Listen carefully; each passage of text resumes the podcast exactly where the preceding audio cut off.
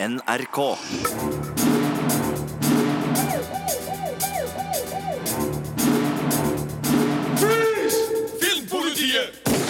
Det er eh, høst, eh, det er duket for eh, skumle saker og ting, for Snømannen hadde kinepremiere denne uka, og derfor skal vi nå meske oss med en Snømannen-spesial her i Filmpolitiet nå. Det er helt riktig. Vi har vært så heldige at vår kjære kollega Birger Vestmo har vært i London. Han har snakka med regissør Thomas Alfredsson. Han har snakka med stjerneskuespiller Michael Fassbinder, og han har snakka med stjerneskuespiller Rebekka Førgusson om både filmen, om hvordan det var å gjøre boka til Jo Nesbø om til film, om hvordan det var å være i Norge, selvfølgelig, og masse annet morsomt og spennende, og litt sånn kritisk overfor Birger. Han pirker borti litt som har vært kritikken mot filmen, nemlig innspillinga og arbeidsforholdene under innspillinga, så det er mye som tas opp i de intervjuene. Og så skal vi selvfølgelig snakke ordentlig om filmen. Marte, du har sett den. Vi kan jo avsløre allerede nå at du var ikke veldig begeistra. Nei, eh, det har jo vært mye eh, styr og mas denne uken om at eh, anmelderne har vært ganske enige om at dette var en dårlig film, og jeg trillet terningkast to på Snømannen. Det er rett og slett en ganske kjedelig film, og det går jo ikke an å lage en kjedelig Harry Hole-film. Harry Hole-film, horefilm. Hal Harry Hole-film. Bra, Marte. Jeg skal prøve å se om jeg ikke får lurt ut noe, noe positivt med det. Eller jeg er i hvert fall veldig nysgjerrig. Jeg har tenkt å stille deg litt til veggs og finne ut oi, hva det var du ikke likte så godt. Og så vet jeg også at du har jo lest boka, Ja. så jeg vil jo gjerne høre hvordan det der funker. Bok, film, er det noe som svinger sammen, eller er det bare merkelig? Det her skal vi snakke mer om. Det blir i siste del av podkasten, for vi skal starte med intervjurunden her i Filmpolitiet. Dette er Filmpolitiet på P3. P3. Kollega Birger Vestmo dro altså til London i forkant av Snømann-premieren, der det var duka for pressemøte med regissør og de store stjernene. Birger troppa opp og fikk de alle i tale. Og vi skal starte med å høre Birger sin prat med regissør Thomas Alfredsson, som selvfølgelig tok det her på svensk. Det er jo ikke noe problem når nordmenn og svensker møtes sånn. Og Birger var nysgjerrig på flere ting, blant annet hva han da selvfølgelig syns om filmen sjøl. Eh, Jag är, jag är jättenöjd, men jag, vi blev färdiga med den här för två veckor sedan. Så jag är ganska så eh, upp och ner eh, efter hela den processen. Jag har ännu inte riktigt något perspektiv på det, men jag tycker det känns väldigt bra. Den er jo, som du selvfølgelig vet, basert på en roman som mange nordmenn har lest og har et godt forhold til. Og det er jo da ofte slik når en film basert på en roman kommer, at uh, det blir sammenligning her. Og flere kommer helt sikkert til å- si at boken er bedre. Hva vil du svare til det? Ja, Det, jeg tycker at uh, ju fler åsikter och ju olikare åsikter desto roligere. Och uh, det är ju, alltså jag jobbar ju i ett yrke som, som är att göra filmer. Och, eh, och, om, eh, och jag har försökt göra en så bra film jag kan. Och om någon tycker att, att eh, boken är bättre så, så får det vara hänt. Men det är lite grann som att jämföra en, en målning och en grammofonskiva. Det är liksom det är två olika uttrycksformer.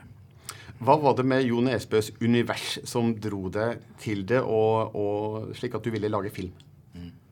Jag tycker att hans, eh, hans eh, sätt att beskriva människor är, är alldeles unikt och intressant. Sen så har han ju också en seriemördare i den här filmen som är som inte bara är ett monster rakt upp och ner utan som har liksom en, en märklig historia eh, bakåt. Och det tyckte jag var intressant att, att titta på. Sen, det vet inte jag om det har varit hans avsikt men, men jag tycker att också att det här handlar mycket om den moderna familjen. Eh, Harrys eh, familj är i trasor men han, han upprätthåller någon sorts familjesituation i alla fall. Och den här mördaren han jagar har ju en helt annan åsikt om vad som är en familj. Och det tycker jag berättar någonting om, om vår samtid. Hvorfor var det viktig for deg å filme dette i Norge? Det var ju jätteviktigt. Från början så var den här eh, adapterad till amerikanska omständigheter. Så att den skulle ju då utspela sig i Chicago och i, eh, i Detroit. Och jag tyckte att det var eh, liksom jag för, förstod inte alls varför jag skulle göra en film som var baserad på en bok som handlar så väldigt mycket om, om Oslo och Norge och eh, en, en, med den skandinaviska tonen. Och jag, jag, antar att det är väl det som också har gjort de här böckerna så populära runt om i världen. Att de, att de är eh, exotiska.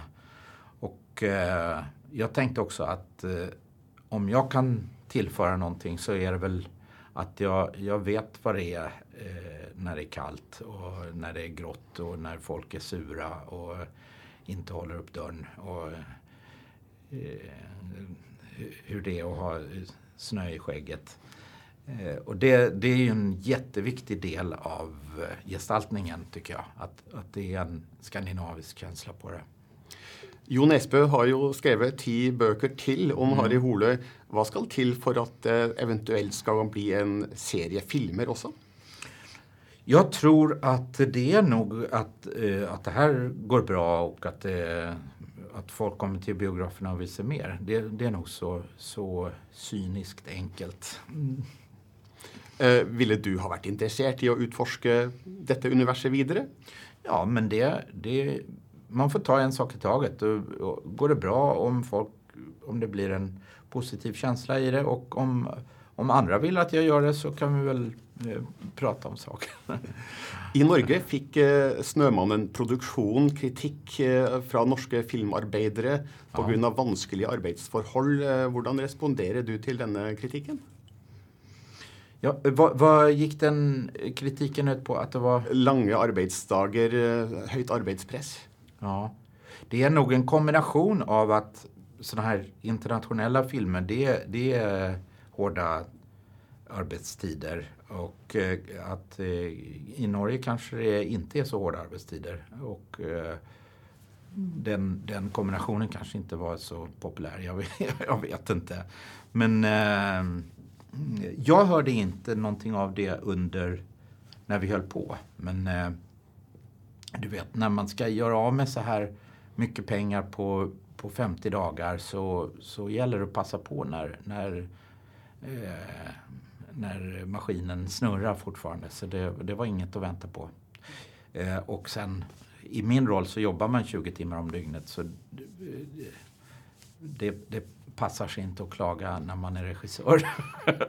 det sa Thomas Alfredsson til kollega Birger Vestmo. og De avslutta da med et eh, nyhetspoeng som ikke har vært så mye opp i det siste, men de som husker godt, husker at det var en del snakk om arbeidsforholdene for de som var med og laga mm. Snømann-filmen eh, i Norge, altså de delene som var spilt inn her. Det var visst ganske tøft og hardt, eh, har jeg hørt rykter om. Det var det, og det er det Thomas Alfredsson da snakker litt om mm. på tampen av det her intervjuet. Men det var ikke bare Thomas Alfredsson Birger møtt. Han møtte jo selvfølgelig filmens hovedrolleinnehaver, som spiller da Harry Hole, eller Harry Hole, er det Harry det, Hole, er det Harry de sier i filmen.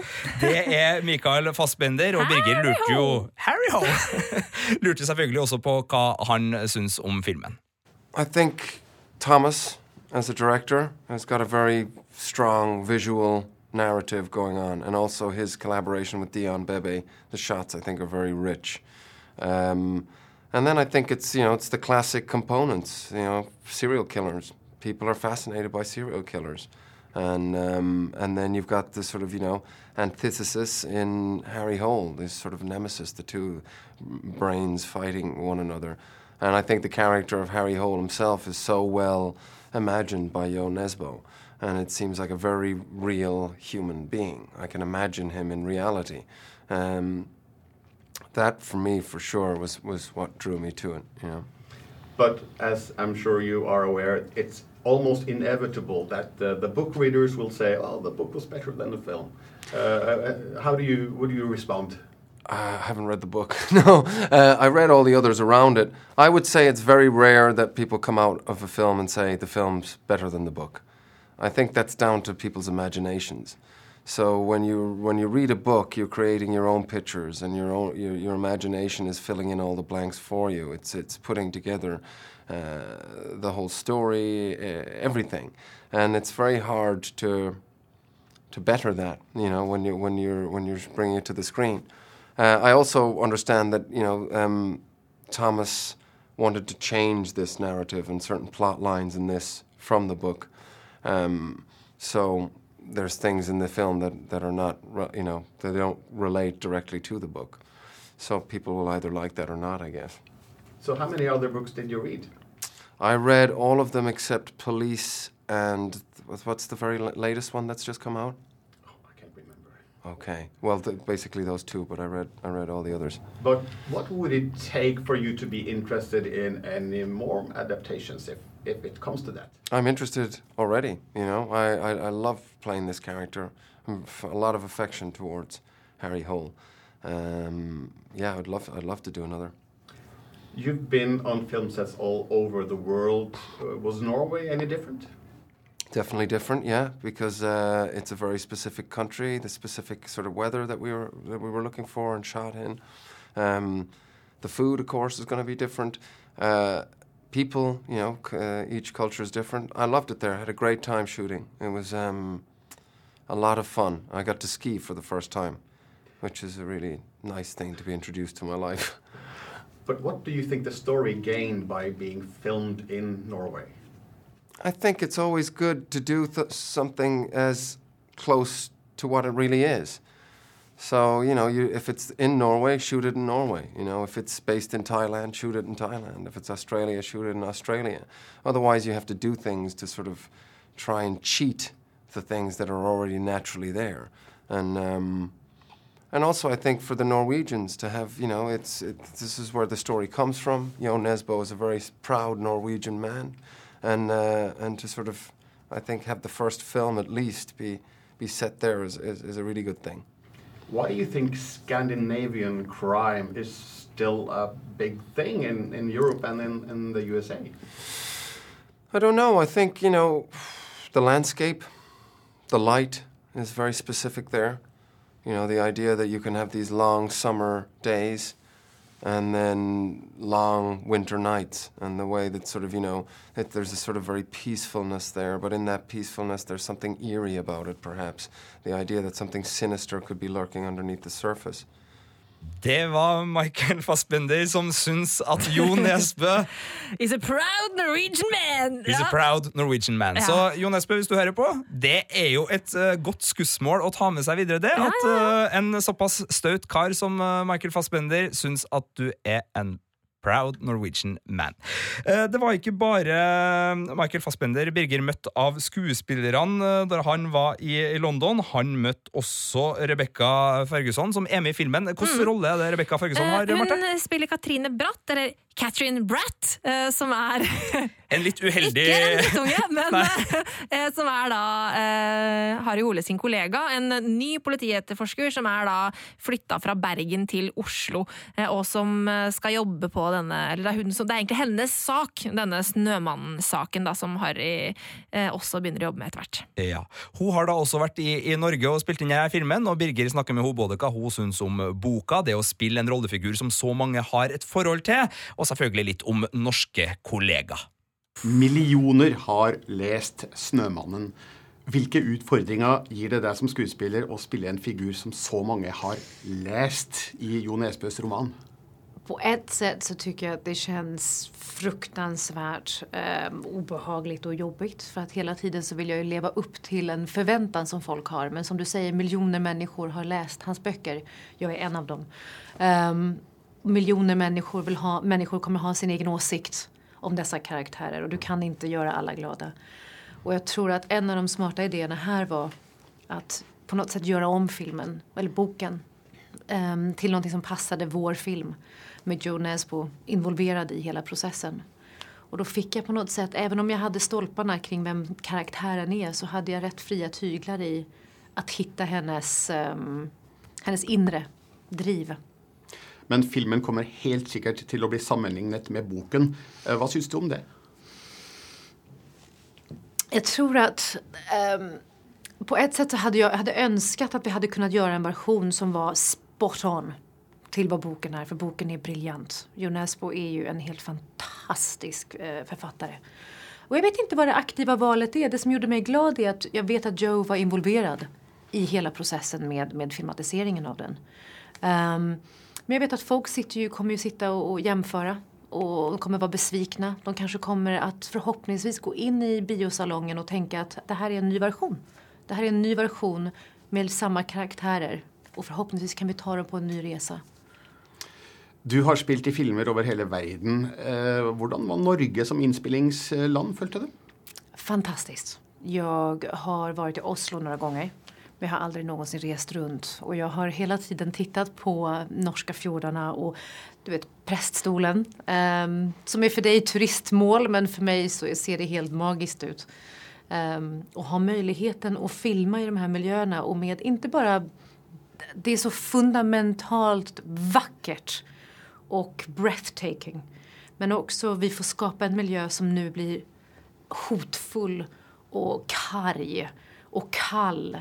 Och på något sätt så skapas en sån, ett, ett sånt hot i en sån enormt vacker miljö. Att få flippa det är ganska häftigt att få vara med om. Du nevnte Preststolen, eller Ja. Prekestolen. Prekestolen. Eh, det skal jo spilles inn scener fra Mission Impossible Ja. 6 der nå snart. Eh, Skal du dit? Nei, jeg tror ikke at min karakter skal dit. Jeg jobber på det. Jeg forsøker å finne en anledning til hvorfor Ilsa Faust skal være med på helikopteren. Men kruxet er at de kommer gjøre helikopterstunts. Så om jeg vil komme, så betyder det at jeg skal være involvert i helikopterstuntsen. I'm thinking no. Men hvorfor tror du Norge blir mer og mer brukt uh, som arena for internasjonale filmproduksjoner? Tror att det har att göra med lite grann som Sverige. Jag tror att det har att göra med att så fort dörren öppnas och vi börjar få en liten insikt i hur fint det är. Jag tror också att vår produktion älskade att jobba med det norska teamet. Eh, Det fanns en enkelhet, en rakhet. Och jag tror att det sprider sig, den konversationen. Och då vill folk in och folk vill ha en del av det. Och det är färskt och det är nytt. Och jag lovar att ni kommer vara sönderbombarderade med film snart. Eh, siden jeg er norsk journalist, så må jeg jo bare stille spørsmål om Norge her. Eh, Ja, men gjør det! Men eh, altså, det er jo en internasjonal stab med skuespillere her. Med noen få norske. Hvordan opplevde du å jobbe med f.eks. Jakob Oftebro? Åh, Jakob er jo utrolig. Han er fantastisk. Jeg kjente ikke honom sen tidligere. Men jeg vet jo om jobben han har gjort. Jeg har sett honom før. Ehm, jag vet inte om det är någon form av centralisering, Skandinavien, Norge, Sverige, att man på något sätt bara tycker om varandra lite mer. Eller om man kanske inte alls tycker om varandra mer, men man ställer sig lite ihop mot alla andra. Um, det, det finns en, en, en eh, domestic sort of hem, hemmakänsla. Eh, Och också tycker jag väldigt mycket om idén om att få komma in och hjälpa, inte hjälpa till jag, men filmen, att öppna dörrarna för lokala skådespelare. Och jag kanske hade önskat att det fanns mer norska skådespelare, men det är inte mitt jobb, tyvärr, att anställa dem. Um, och det blir ganske fint också, att vi lever i en värld där vi kan blanda geografiska lägen och skådespelare. Um, som är norska skådespelare i Sverige, som jag har jobbat med väldigt mycket, Axel Henning. Men Denne filmen er innspilt i Norge, Ja. men uh, det kunne godt ha vært eh, Sverige også. Det, Nej. det kunne ikke ha vært det. Hvorfor ikke? Jeg syns ikke det. Vi har ikke samme landskap som ni har på samme, samme sätt. Jag tycker, visst har vi også skogar og vi har berg oppe i Norrland. Men det finns en ganske stor öppenhet med bergen som om, kommer rundt Oslo bergen. Det er en form av en rørelse i stan. Men man kjenner hele tiden den här totala tystheten rundt omkring. Och jag, det finns ingen annanstans. Um, och jag vet att de pratade om att filma den här i Ohio eller Chicago, vilket hade bara varit fullständigt absurt. Joe skrev den att den skulle vara i Norge, den skulle vara i Oslo och Bergen och runt om Røykan var vi i. Och då ska den filmas där. Det var Rebekka Ferguson i samtale med vår gode kollega Birger Vestmo, og det var det vi hadde av intervju i forbindelse med Snømannen. Og da er det på tide Marte Hedenstad, ro deg helt ned. Da er det på tide at vår anmelder, Ja, eh, den litt blodtørstige tydeligvis Mm. anmelderen Marte Hedenstad, skal få lov til å fortelle oss om filmen Mm. og ta oss med inn i hvordan du opplevde Snømannen. Ja. Eh, jeg, må jo bare si med en gang at det er vanskelig for meg å, å, å gå inn med 100% blanke ark, for, eller altså eh, blankt lerret, fordi jeg har jo lest alle Harry Hole-bøkene eh, og eh, digger de skikkelig. Og det her, eh, 'Snømannen', det er jo den syvende boka i rekka, og eh, på den tida så har man jo eh, rukket å bli ganske så godt kjent med hvem Harry er. Um, og det Jeg tror jeg må noe bare legge inn et lite spoilervarsel her okay. Nå, til de som uh, hører på, for her kjenner jeg at det kan komme litt spoilere, og det syns jeg vi skal la skje. Så okay, hvis du er livredd for å høre noe om hva som skjer i det hele tatt i Snømannen eller i bokversjonen så av Snømannen, så, så, så vil jeg anbefale deg å komme tilbake til denne podkasten etter at du har sett sett Ja, filmen eller ok. lest boka. Så da kan jeg Hvis si du- hva jeg vil ja, Hvis du tåler spoilere, Ja, du som hører på, så er det bare å bli med oss videre, for her tror jeg nok du kommer til å skli ut med en og annen Ja. plottråd, Marte. Men Så, så med deg, sånn. Sigurd? Eh, Vil du bli spoila? Du har Eh, ikke Ja sett da, jeg, filmen? jeg tåler det. Jeg er glad i krim uansett. Så, okay. så det går eh, fint. Bare ikke avslør siste sida og siste scena, så er vi venner. kan jeg si hvem morderen er? Hvis du må Nei, jeg trenger ikke gjøre det, jeg eh, trenger ok, ok, ok. Fortsett. Du eh, har lest boka. Det Ja. var bok nummer sju. Du var spent da du gikk inn i kinosalen. og jeg, det jeg forventa meg, var en sånn eh, drivende, spennende film som var veldig litt sånn thrilleraktig på slutten. ikke sant? For det er en, en spenningshistorie som utspiller seg. Eh, vi har jo da denne morderen eh, som er løs, han dreper først og fremst kvinner, eh, selv om det er noen eh, menn som ryker med i slengen her også. Um, og, da, og da gjerne kvinner som har eh, ja, så kanskje de har familie, de har barn gjerne, litt sånn der type. Um, uh, og han uh, kutter hodet av dem. Uh, og putter hodet på en snømann, ergo da navnet Snømannen som denne morderen da får. Um, og ikke sant? Her så skulle vi ha hatt et sånt veldig sånn spennende krimmysterie som eskalerer til eh, en veldig sånn intens eh, spenningsgreie, sånn at du nesten får sånn hjertet i halsen på slutten. liksom Klarer Harry å ta morderen? Å nei! altså Kommer han til å overleve dette? ikke sant? Gjerne med noen plot-twister underveis, der du er sikker på at det er den Ja, personen, og Altså, så er du du sikker på at det er den tenker, Ja, og personen. det er han er morderen, han er morderen, han er morderen. Å nei, var det morderen? Ingenting av dette skjer, da. Ingenting av det her er noe filmen klarer å, å, å lage. Og uh, isteden så får vi en sånn litt sånn merkelig start, uh, hvor eh, morderen som liten gutt blir etablert. Så vi skal prøve å få et sånt bakteppe her om hvorfor han har blitt som han har blitt. Hva er det som har gjort at han har blitt så sjuk i huet at han går og dreper disse damene? Um, og med det så på en måte lover filmen oss noe vi aldri får. Den lover at vi skal få et sånt lite sånn et lite psykologisk bakteppe her, eh, og et lite sånt innsikt i morderens hode. Eh, og det får vi aldri. Um, det er og så når, vi, og så kom, når historien om Harry begynner, da, um, så, så etableres han ikke i det hele tatt. Altså, det det åpner med for Harry sin del, er at han våkner opp på en benk i, eh, det, i enden av Frognerparken, litt sånn grensa til Vestre Gravlund der. Han er, eh, han er eh, skikkelig fyllesjuk og bare valser gjennom Frognerparken med flaske i hånda, liksom helt knekt. Kjenner seg igjen i den, da. Fort gjort, ikke sant? Vært på Oslo-tur, jeg òg. liksom folk stirrer på han, og det er, liksom, det er ganske sånn krise. Oi, sjekk hvem Litt er han fyren der. eller? Ganske klisjéaktig. Ja, ok. Um, og dette her skal da etablere han som den fordrukne uh, etterforskeren som han er.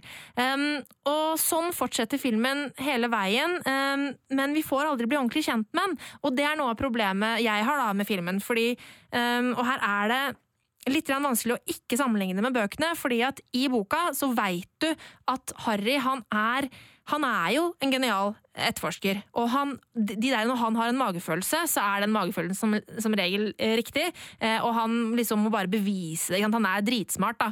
Eh, men så sliter han jo da med avhengigheten sin, og han er en, han er en misbruker, ikke sant? Litt som Sherlock Holmes og Ja. narkotika, Ja, hvis man ønsker ja, å trekke uh, altså, I serien så bruker jo også Harry Hole narkotika. Og, uh, altså, han, han er en skikkelig rusmisbruker.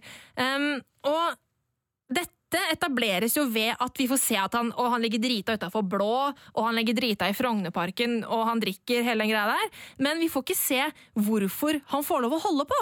Altså, Hvorfor i all verden får ikke den fyren her sparken? Hvorfor i all verden har denne fyren her respekten til da Katrine Bratt eh, og, og, folk rundt seg? Og hvorfor eh, er han elsket av eh, Charlotte Gainsburg sin rollefigur Rakel? Ingenting av dette her blir ordentlig etablert, og da mister filmen ekstremt mye troverdighet.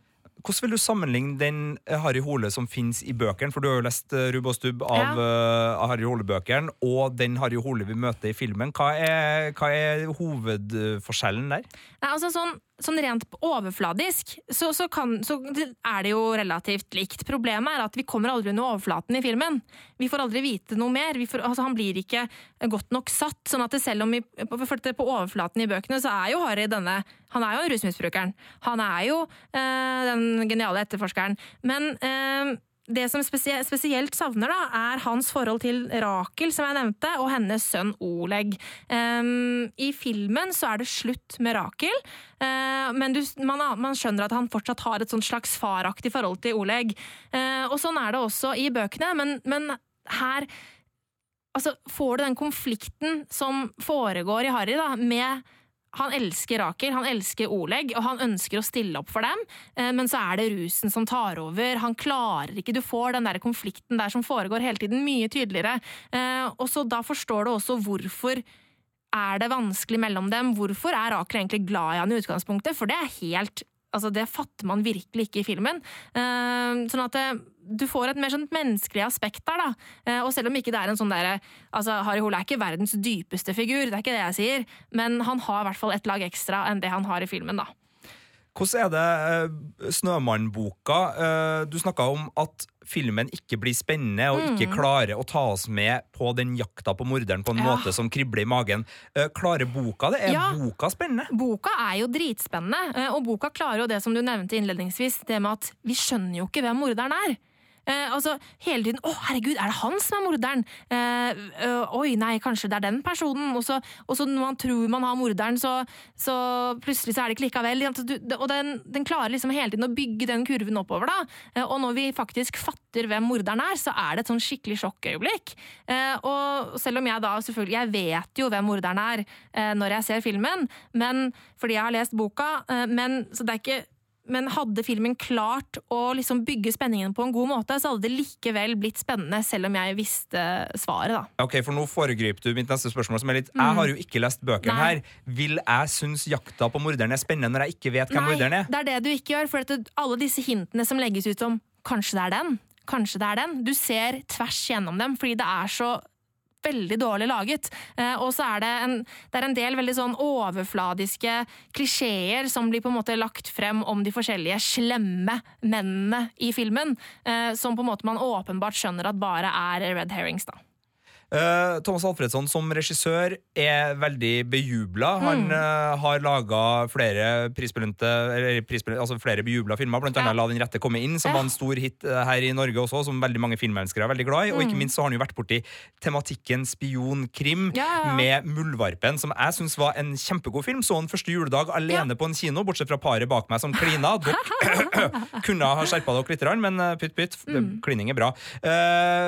basert på John Lac Lacar eh, eh, sin, ja. sin, bok. Så han, mm. han, har jo vist, men, men den filmen òg, den er jo seig. Han bruker jo filmatiske ja. virkemidler mm. som gjør at du, du, kjenner på stemning, du mm. kjenner på uh, miljøskildringer som ikke er uttalt eller forklart, og ikke plottdrevet, men du, du får uh, vekta av den verdenen innover deg. Er det noe sånt her? For den, den, er jo tydeligvis en pen film, mm. Snømann. Altså, klarer den å formidle noen andre kvaliteter som ikke går på karakterer og ikke går på plott? Jeg skjønner ikke helt hva Alfredsson har prøvd på her, for å være helt ærlig. Fordi den er verken eller, da.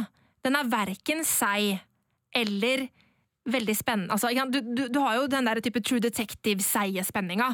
Som ting går så sakte, men likevel så er det så mystisk og spennende. Og du bare Hva er det som skjer i dette universet? ikke sant?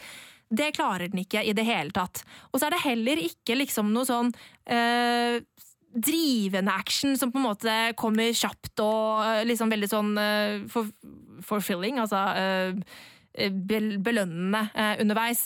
Sånn at den, den, havner litt sånn mellom to stoler. Og det jeg kanskje tror, er at det har blitt prøvd litt på denne seige stilen, men så har det bare blitt klippet i hjel. Eh, eller noe sånt. For der hvor det skal være seigt, så går det for kjapt. Der hvor vi skal liksom få bli kjent med rollefigurene og liksom få den gode praten, og alt mulig sånt, så går det for kjapt.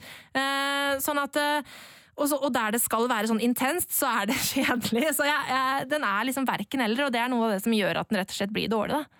Vi hørte jo regissør Thomas Alfredsson snakke i intervjuet med kollega Birger Vestmo om at han uh, kan jo Skandinavia. Han har hatt snø i skjegget. Han mm. vet hvordan det er når folk ikke holder opp døra for deg, og de her tingene. Uh, hvordan syns du uh, det fungerer i filmen? altså Er det et slags altså, det ikke, altså, Vi har jo mm. hørt flere snakke om at det ikke er et Oslo du nødvendigvis kjenner igjen, og det er litt sånn teite avisnavn. Ja, ja. Norwegian Review det er jo et du fiktivt Oslo, ser bort fra det, ja. kjenner du igjen det skandinaviske? altså Har han truffet med miljøskildringene der? Ja, det syns jeg han har. Eh, selv om vi selvfølgelig henger oss opp i ting. Men altså, hvis du, hvis du hvis du, altså, eh, Harry, altså, Jo Nesbøs eh, Oslo er også et fiktivt Oslo. Eh, det er ikke en rå, realistisk skildring av Oslo. ikke sant? Det er Harry Holes Oslo. Og sånn er jo Snømannen på film også, og det syns jeg er helt greit. Og dette fiksjonsuniverset fungerer jo til en viss grad, selv om noe av det som er veldig teit, er det der at det er sånn vinter-Olympic Games som skal legges til Oslo, og så er det noen rare greier rundt det som ikke henger helt på greip. Men sånn at altså, settingen funker. Det er rollefigurer rollefigurene som er det største problemet. Um, og så fungerer jo den der Nordic noir-stilen, uh, selv om jeg er kanskje litt lei av den. Uh, så, så, så ser jo Bildene er fine.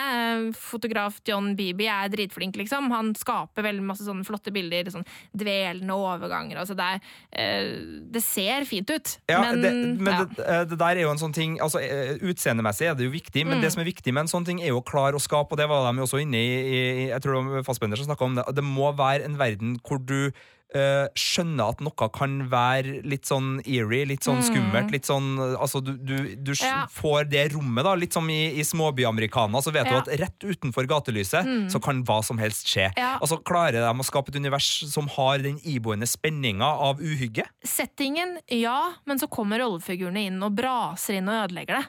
Uh, for eksempel Arve Støp, altså JK Simmons, som er en egentlig jævlig god skuespiller, er en parodi, liksom. Det er dritdårlig. Hva er en parodi på? Er altså en parodi på han, den rollen han skal han være? På, eller er det parodi på mektig mann uh, ja. som uh, liker damer. Ok. Uh, altså, det er, det, er, det er, flaut å se på. Det er rart, altså. Altså, ok, okay her er en, bare en scene, da. Um, Uh, vi kan jo, altså Rebecca Ferguson sin Rebecca, Jeg klarer ikke Er hun svensk, er hun engelsk? Hun er svensk. Rebecca Ferguson, Ferguson Hun har uh, hun gir seg ut for bare å være en uh, ung, pen dame som ikke har noe som helst uh, politisammenheng, uh, på en lurt, fest. Lurt. for å liksom sjekke litt om hvem er denne Arve Støpe, Ikke sant? Kan jeg ta han her på noe? og så har hun en sånn samtale med han hvor hun på en måte flørter litt med han, da, og han selvfølgelig vil ha henne på rommet etterpå, liksom. Um, og så har de en sånn kjempemerkelig samtale om om hvordan han skal få henne på rommet og sånn. Og så når, når uh, de skal gå fra hverandre i samtalen, så bare så går han litt, og så bare klikk! Så tar han et bilde av henne med mobilen. Og som han liksom bare har, så bare sånn, ja, for dette, Han må jo ha bildene av, han må jo huske hvem det er han har pratet med. Han har bilde av alle de flotte damene sine på mobilen. Og Det er sånn, helt sånn absurd greie som ikke fungerer i det hele tatt. Og, det, og akkurat den lille tingen, det at han tar bilder av damer, har de liksom prøvd til å gjøre en, til en gimmick som liksom er hans greie. Han gjør det med alle de pene damene. Og det var sånn helt sånn absurd ting funker ikke i det hele tatt. Og det er mange sånne små ting da, som til sammen gjør at det blir mye flaut, rett og slett. Hvis du skal se bort fra sjølve Harry Hole-rollefiguren, hva syns du er det du savner mest i overgangen fra bok til film? Eh, hvis jeg ser bort ifra Harry, da er det også Rebekka Ferguson sin rollefigur er også blitt veldig sånn egentlig litt ødelagt eh, og gjort litt flatere i filmen. Eh, så det handler egentlig om det, dybden til alle rollefigurene. Og også Rakel er jo Hun, hun er jo bare blitt til, et, til en altså, propp.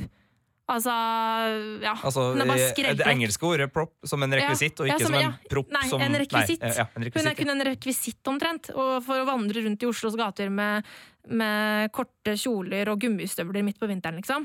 Uten strømper. Eh, sånn at eh, det, det, er rett og slett en sånn flathet i alle rollefigurene som, som ødelegger, og som jeg savner fra boka.